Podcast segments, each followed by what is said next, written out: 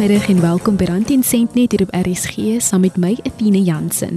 Ons gesels vandag verder met die regeringsdiens en pensioenfonds, beter bekend as die GEPF, en beantwoord die lede en pensionaars se vrae. Jy is welkom om jou vrae na die SMS-lyn te stuur 45889 teen R1.50. Jy kan ook jou vrae na my e-pos stuur athena.jansen6@gmail.com. Amelia Hartzenberg, kliëntediensbeampte van die GEPF, kuier weer vanmiddag hier op die Rand en Sent program en gaan 'n hele paar vrae beantwoord. Amelia, welkom terug. Baie dankie. Amelia, ons moedig elke week die luisteraars aan om hulle vrae deur te stuur wat ons so ver moontlik probeer antwoord. In die week het ons 'n e-pos van Leon Venter ontvang wat ons graag vandag wil bespreek. Ek gaan dit opsom en in 3 vrae stel. Eerstens wou Leon weet hoekom die gade nie die volle pensioen ontvang indien die lid sou afsterf nie. Ons moet eerstens begin om te kyk na of die lid in diens afgesterf het en of die lid as 'n pensionaris afgesterf het. Want die reëls van die fonds bepaal hoe ons 'n gade pensioen moet bereken en betaal. Kom ons begin by as 'n lid afsterf in diens. Jy werk nog vir WKOD, gesondheid of watter ook al instansie. Jy kom tot sterwe. Daar is basies 3 of 4 eise. Nommer 1, begrafniseis. Nommer 2, die enkel bedrag wat uitbetaal word en hierdie word uitbetaal volgens jou nominasievorm. Dan gaan ons oor na die gade pensioen toe. Nou voordat ons oorgaan na die gade pensioen toe, wil ek hierdie luisteraars moet weet hierdie doodsvoordeel wat ons uitbetaal, dit is basies die geld of die bydrae wat die werkgewer bygedra het terwyl hy 'n lid was van die fonds en sowel die bydrae van die werkgewer. So hierdie enkel bedrag is al die geld wat bygedra is terwyl die lid gelewe het en 'n lid was van die fonds. So dit word eenmalig as 'n enkel bedrag uitbetaal. Gade pensioen. Die reëls van die fonds sê gade pensioen vir 'n persoon wat tot sterwe kom in diens, dis 'n oorblywende gade gaan 50% kry van die maandelikse pensioen. Die berekening wat ons gebruik is 'n aftreeberekening en die gade gaan 50% van hierdie bedrag kry. So met ander woorde, die reëls van die fonds sê die gade moet 50% kry en nie die volle bedrag nie. Nou as jy gaan verder kyk, sal jy agterkom dat die gade pensioen is 'n nie bydraende voordeel. So met ander woorde, sodra ons die enkel bedrag, die lamsam, die doodsvoordeel uitbetaal het, dan betaal die GEPF die oorblywende gade uit die GEPF se sakke uit en nie uit die lid se voordeel uit nie.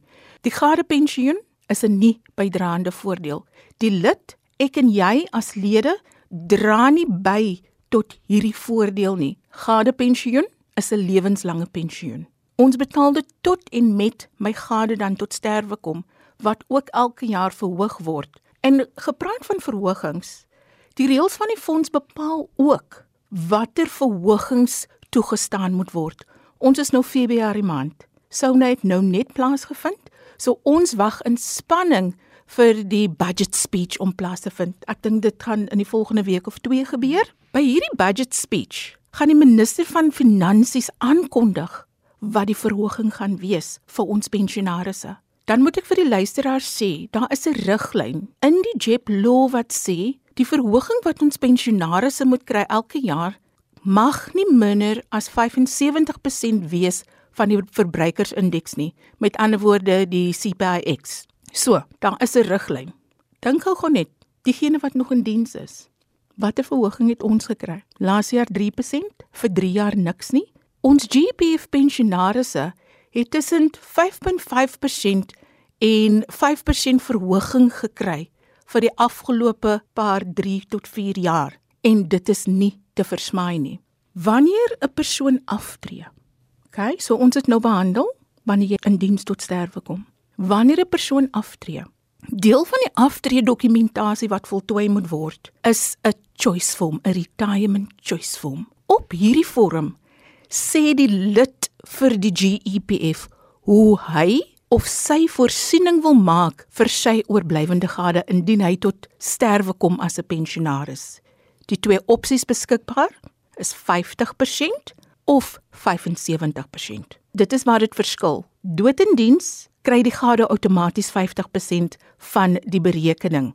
Maar by aftrede kies die lid self hoe die GEPF 'n gade pensioen moet bereken by tye van dood. So dit is of 50% of 75%. Indien die lid kies vir 75%, gaan ons dan vra, "Oké, okay, 75% is beskikbaar, maar wat gaan jy inboet by aftrede om voorsiening te maak vir 'n hoër pensioen ten tye van dood? Jy kan of 'n kleiner enkelbedrag vat of jy kan 'n kleiner maandelikse pensioen vat in orde om voorsiening te maak vir 'n 75% gade pensioen. Onthou die volgende. Dis baie belangrik. Hierdie transaksie wat jy aangaan by aftrede kan nie herroep word nie. So met ander woorde, as ek en Kevin getroud is en ek maak voorsiening vir 75% by aftrede.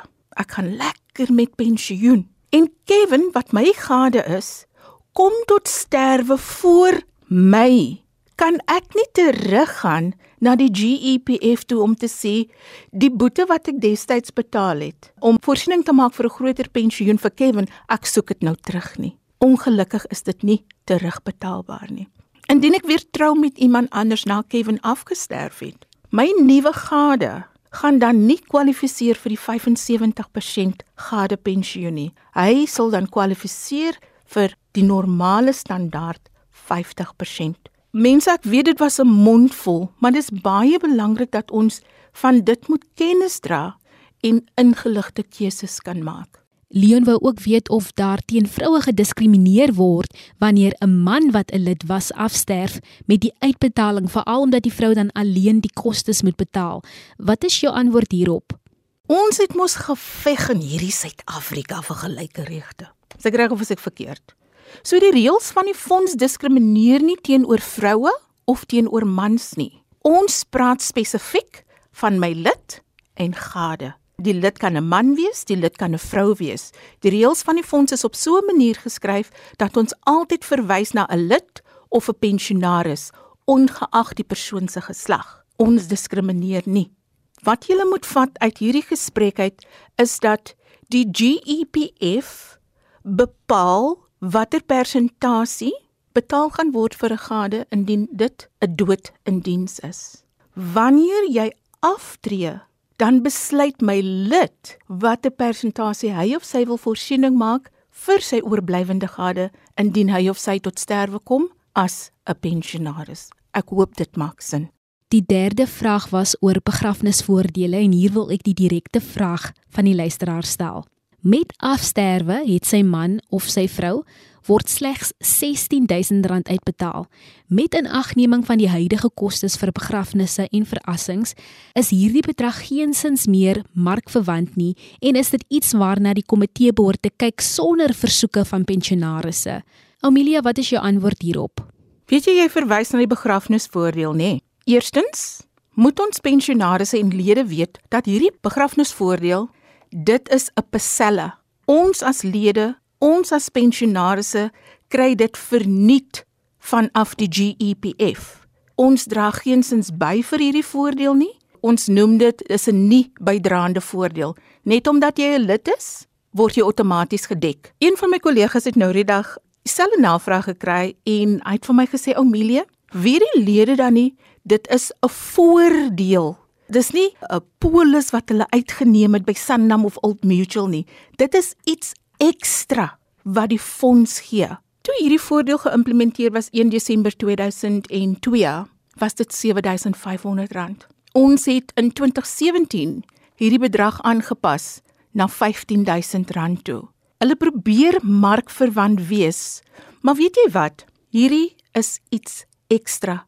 Dit is nie veronderstel om jou enigste begrafnispolis te wees nie. En ek gaan vir julle gou-gou 'n grappie vertel. Ek is by GEPF vanaf 2009. My man is by GEPF van 2002. Toe ek nou begin werk by GEPF en ek vra vir hom, "Kevin, weet jy ons het begrafnisdekking op die GEPF net omdat ons lede is?" En hy sê vir my, "Nee, onthou hy's nou vir 7 jaar op die pensioen gewees." Hmm. Hy sê vir my, "Nee, om jy weet jy wat? Ons gaan nou al ons polisse kanselleer, begrafnispolisse, want die GEPF gee dan nou vir hom te sê ek daar is nie 'n kans nie. Weet jy wat kos begrafnisse want toe het ek net my pa begrawe. Ek het my eie polisse, dan het ek ook die ekstra wat GEPF vir my gee. En baie belangrik mense, dit is iets addisioneel, dis iets ekstra, dis iets spesiale wat die GEPF gee vir lede in diens, vir pensionaarsse, vir hulle se gades en dan kinders tussen 0 en 18, 18 tot 22 moet die kinders voltydse studente wees en dan gestremde kinders ongeag van die gestremde kind se ouderdom. So hierdie is 'n ekstra voordeel wat die GEPF vir ons lede gee. Rand en sent word met trots aan jou gebring deur die SABC Opvoedkunde in vennootskap met die Regeringsdiens en Pensioenfonds. Vryk denke, vryk lewens. Nou wat ons juis gesels oor begrafnisvoordele, wie kan aansoek doen vir begrafniseise? Dink ons het verlede week het ons gekyk wie is gedek. En dit is ook verskriklik belangrik om te weet wie kan aansoek doen vir hierdie begrafnisvoordele. Die vorm, as jy na die vorm kyk, sal jy sien daar is 'n lysie van mense gelys van wie aansoek kan doen. En mense moet gewoonlik maar in hierdie volgorde probeer aansoek doen. So met ander woorde, indien my lid getroud is, die eerste persoon wat kan aansoek doen, is die gade. As ons 'n aansoekvorm kry van enige ander persoon af, wanneer my lid getroud is, gaan die stelsel outomaties hierdie eis afwys om te sê slegs gade kan aansoek doen. Maar weet jy wat? Die lewe gebeur mos, né? So jy kry mense wat getroud is, hulle is vervreemd van hulle gade af. Hulle weet nie waar om die persoon in die hande te kry nie. Dan is 'n ander persoon geforseer om aansoek te doen. So, ons ken nie vir u nie. Indien dit so 'n geval is, moet hierdie persoon aansoek doen, het sy dit nou 'n suster, 'n ma of 'n pa is, dan moet hulle vir ons 'n affidavit bysit om te sê die lid was getroud by tye van afsterwe. Maar hierdie man of hierdie vrou het gaan seep koop en gegly en nooit weer teruggekom nie. Dit is hoekom ek aansoek doen. Hier is die bewys dat ek wel verantwoordelik was vir die begrafnisonkoste sodat ons wel hierdie eis afgehandel kan kry en betaal kan kry. Ek het um, so 'n paar jaar terug het ek 'n geval gehad waar my lid afgesterf het en die oudste dogter het aansoek gedoen en natuurlik was die eis afgewys omdat my lid getroud was. Die kind het ingekom na ons instapdiensentrum toe en sy het vir my die storie verduidelik en vir my gesê Oumelia, my pa is in die tronk. Hy kan nie aansoek doen nie. Ek het vir alles betaal. Sê ek wel my lief, ek glo jou, maar omdat ons 'n administrasiemaatskappy is, het ek die nodige dokumentasie nodig. Ek het haar toe nou verwys om na die tronk toe te gaan en 'n bewys by die tronk te kry om te sê hierdie persoon is in die tronk Hy is getroud met hierdie persoon, maar omdat hy in die tronk is, kan hy nie aansoek doen vir hierdie begrafnisvoordeel nie. Die eis was uitbetaal. Soos ek sê, die lewe gebeur, maar vir elke iets wat gebeur, het ons 'n stawende dokumentasie nodig. Goed. Ons het nou gekyk na as die persoon getroud is. As die persoon nie getroud is nie, geskei of enkel is, die volgende persoon in die lyn is dan 'n major child. 'n kind ouer as 18 kan aansoek doen. Nou partykeer sit ons met die geval waar die ma of die lid se van en die kind se van verskil. So hoe weet ons hierdie persoon wat aansoek doen is wel die major kind van my oorlede lid? Weereens, ons gaan 'n affidavit nodig hê om te sê ek is Amelia Hartzenberg. Ek verklaar hiermee dat ek die biologiese dogter is van die oorlede lid so en so en sy ID-nommer. Ek was verantwoordelik vir die begrafnisonkoste. So die vraag wat jy eintlik moet beantwoord is, hoekom moet ons vir jou die geld gee? In daai affidavit wat ek nou so kortliks genoem het, gee jy al die inligting en GEPF kan betaal. Die derde persoon, ma of pa, weer eens soek ek so 'n affidavit. Die vierde persoon, boetie of sussie, ek soek weer eens so 'n affidavit wat die verwantskap kan bevestig tussen die applikant en die oorlede lid of pensionaris. En dan as er geen van die bogenoemdes is nie, die laaste uitweg is dan die eksekuteur van my lid se boedel of my pensionaris se boedel. Dit is bietjie meer lankdradig want iemand sal hof toe moet gaan om aangedui te word as die eksekuteur van die oorledene se boedel Wanneer dit toegestaan is, moet daardie persoon dan na die bank toe gaan om 'n boedelrekening in my oorlede pensionaris of lid se naam oop te maak en dan kan die nodige dokumentasie ingehandig word sodat die eis geprosesseer en betaal kan word. Indien jy nou net ingeskakel het, ons is besig met 'n reeks in samewerking met die Regeringsdiens en Pensioenfonds waar ons lede en pensionaars se vrae beantwoord. Onthou, ons is ook beskikbaar op die DStv se audiokanaal 813 en OpenView kanaal 615. Gesels saam op Twitter, gebruik die hitsmerk Rand en Sent en volg ons by ZARSG en jy kan ook jou vrae stuur na die SMS lyn 45 889 teen R1.50 of stuur 'n e-pos na my, athena.jansen6@gmail.com. Amelia Hartzenberg, kliëntediensbeampte van die GEPF, beantwoord jou vrae vanmiddag by Rand en Sent. Amelia, jy verwys dikwels na belangrike vorms wat lede en pensionaars moet invul. Ek wil vandag fokus op die algemene foute wat op hierdie vorms gemaak word en hoe die lede en pensionaars hierdie foute ook kan vermy. Ons het vroeër oor begrafniseise gepraat. Hierdie vorm se naam is die Z300. Watter foute maak mense daarop?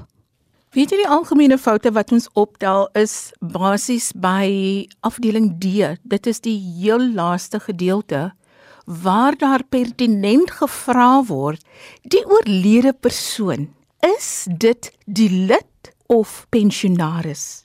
Dan is dit twee blokkies en jy moet sê ja of nee. Indien nee, voltooi asseblief die onderstaande gedeelte. Nou weet jy wat doen meeste van die applikante? Hulle tik nie een van die blokkies nie. So ons weet nie of dit die lid is wat dood is, of dit 'n kind is wat dood is, of dit 'n gade wat dood is nie, want die dokument word nie 100% voltooi nie.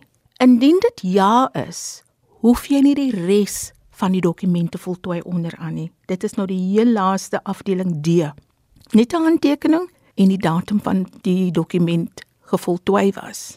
Indien jy sê nee, beteken dit vir ons dat dit nie my lid is wat afgesterf het nie, maar die lid se gade of die lid se kind. Dan moet afdeling D dan verder voltooi word met die persoon wat afgesterf het se besonderhede tot en met die doodsertifikaat se nommer moet voltooi word sodat ons presies die regte eis kan prosesseer. Die bankvorm, beter bekend as die Z894. Watter foute sien julle daagliks hierop? Weet jy ons het nou onlangs seker so 6 maande gelede nuwe vorms geïmplementeer want die foute wat gemaak word op afdeling A van die Z894 dit vra die besonderhede van die lid/beneficiary aangesien ons nog by begrafniseise stil staan. Meeste van die Z894s wat ons dan kry, Oumelia is die lid en Kevin het afgesterf.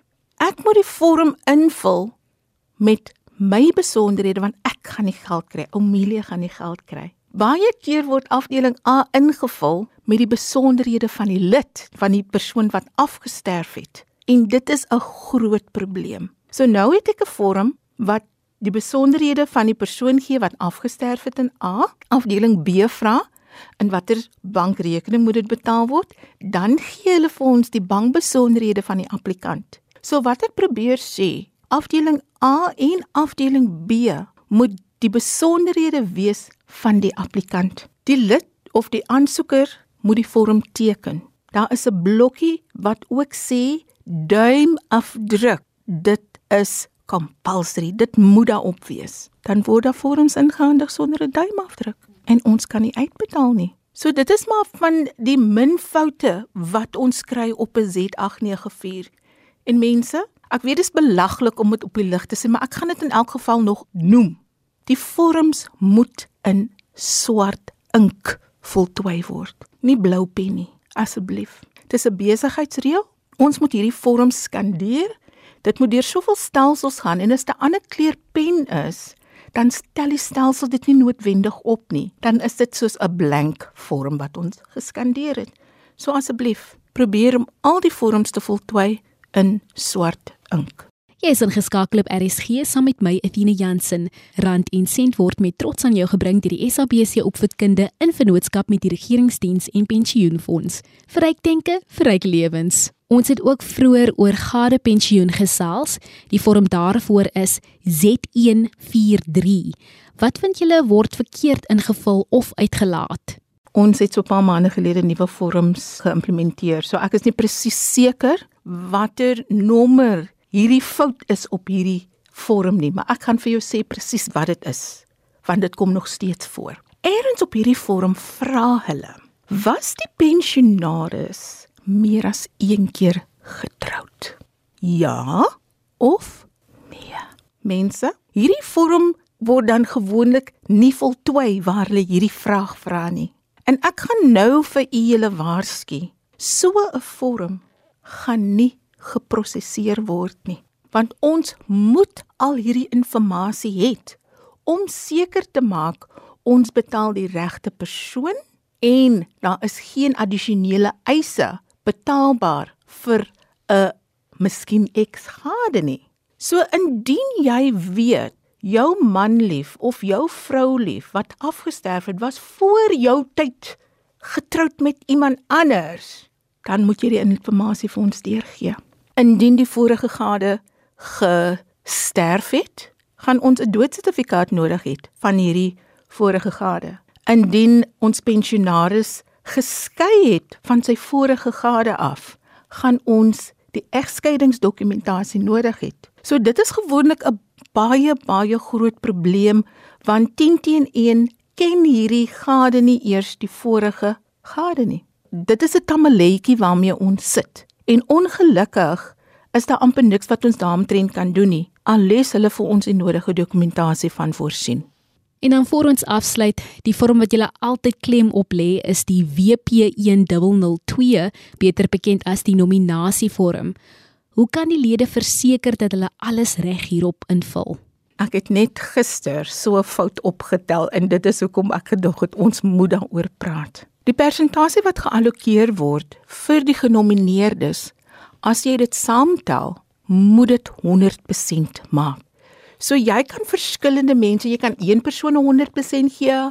Jy kan 5 mense die 100% opverdeel en sê elke persoon gaan 20% kry.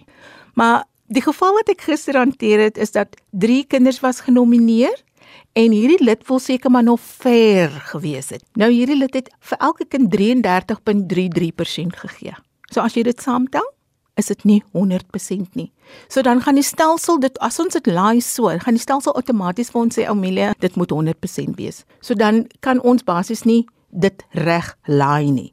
So wanneer jy die allocasie maak, maak seker dat dit ooreenstem met 'n 100%. Dit was Amelia Hartzenberg, 'n kliëntediensbeampte van die GEPF. Weereens dankie vir jou tyd en dat jy altyd deeglik beantwoord. Ons gesels weer volgende week net hier op RSG se Rand en Sent program. Onthou die GEPF het streeks kliëntedienssentrums in al 9 provinsies van Suid-Afrika en 7 satellietkantore wat spesiaal vir jou behoeftes ontwerp is. Om meer uit te vind, het die GEPF 'n nasionale tolvrye oproepsentrum nommer. Dit is 08 00 11769. Oproepe na hierdie nommer is gratis vanaf enige Telkomlyn. Jy kan ook 'n e-pos stuur na inquiries@gepf.co.za of besoek die GEPF webwerf by www.gepf.co.za. Indien jy enige vrae direk aan my wil stuur, my e-posadres is athena.jansen6@gmail.com. Die luisteraars kan vandag se program vind by www.rsg.co.za. By die potgooi skakel sal jy vandag se rand en sent program vind. Van my, Athena Jansen, 'n geseënde dag verder.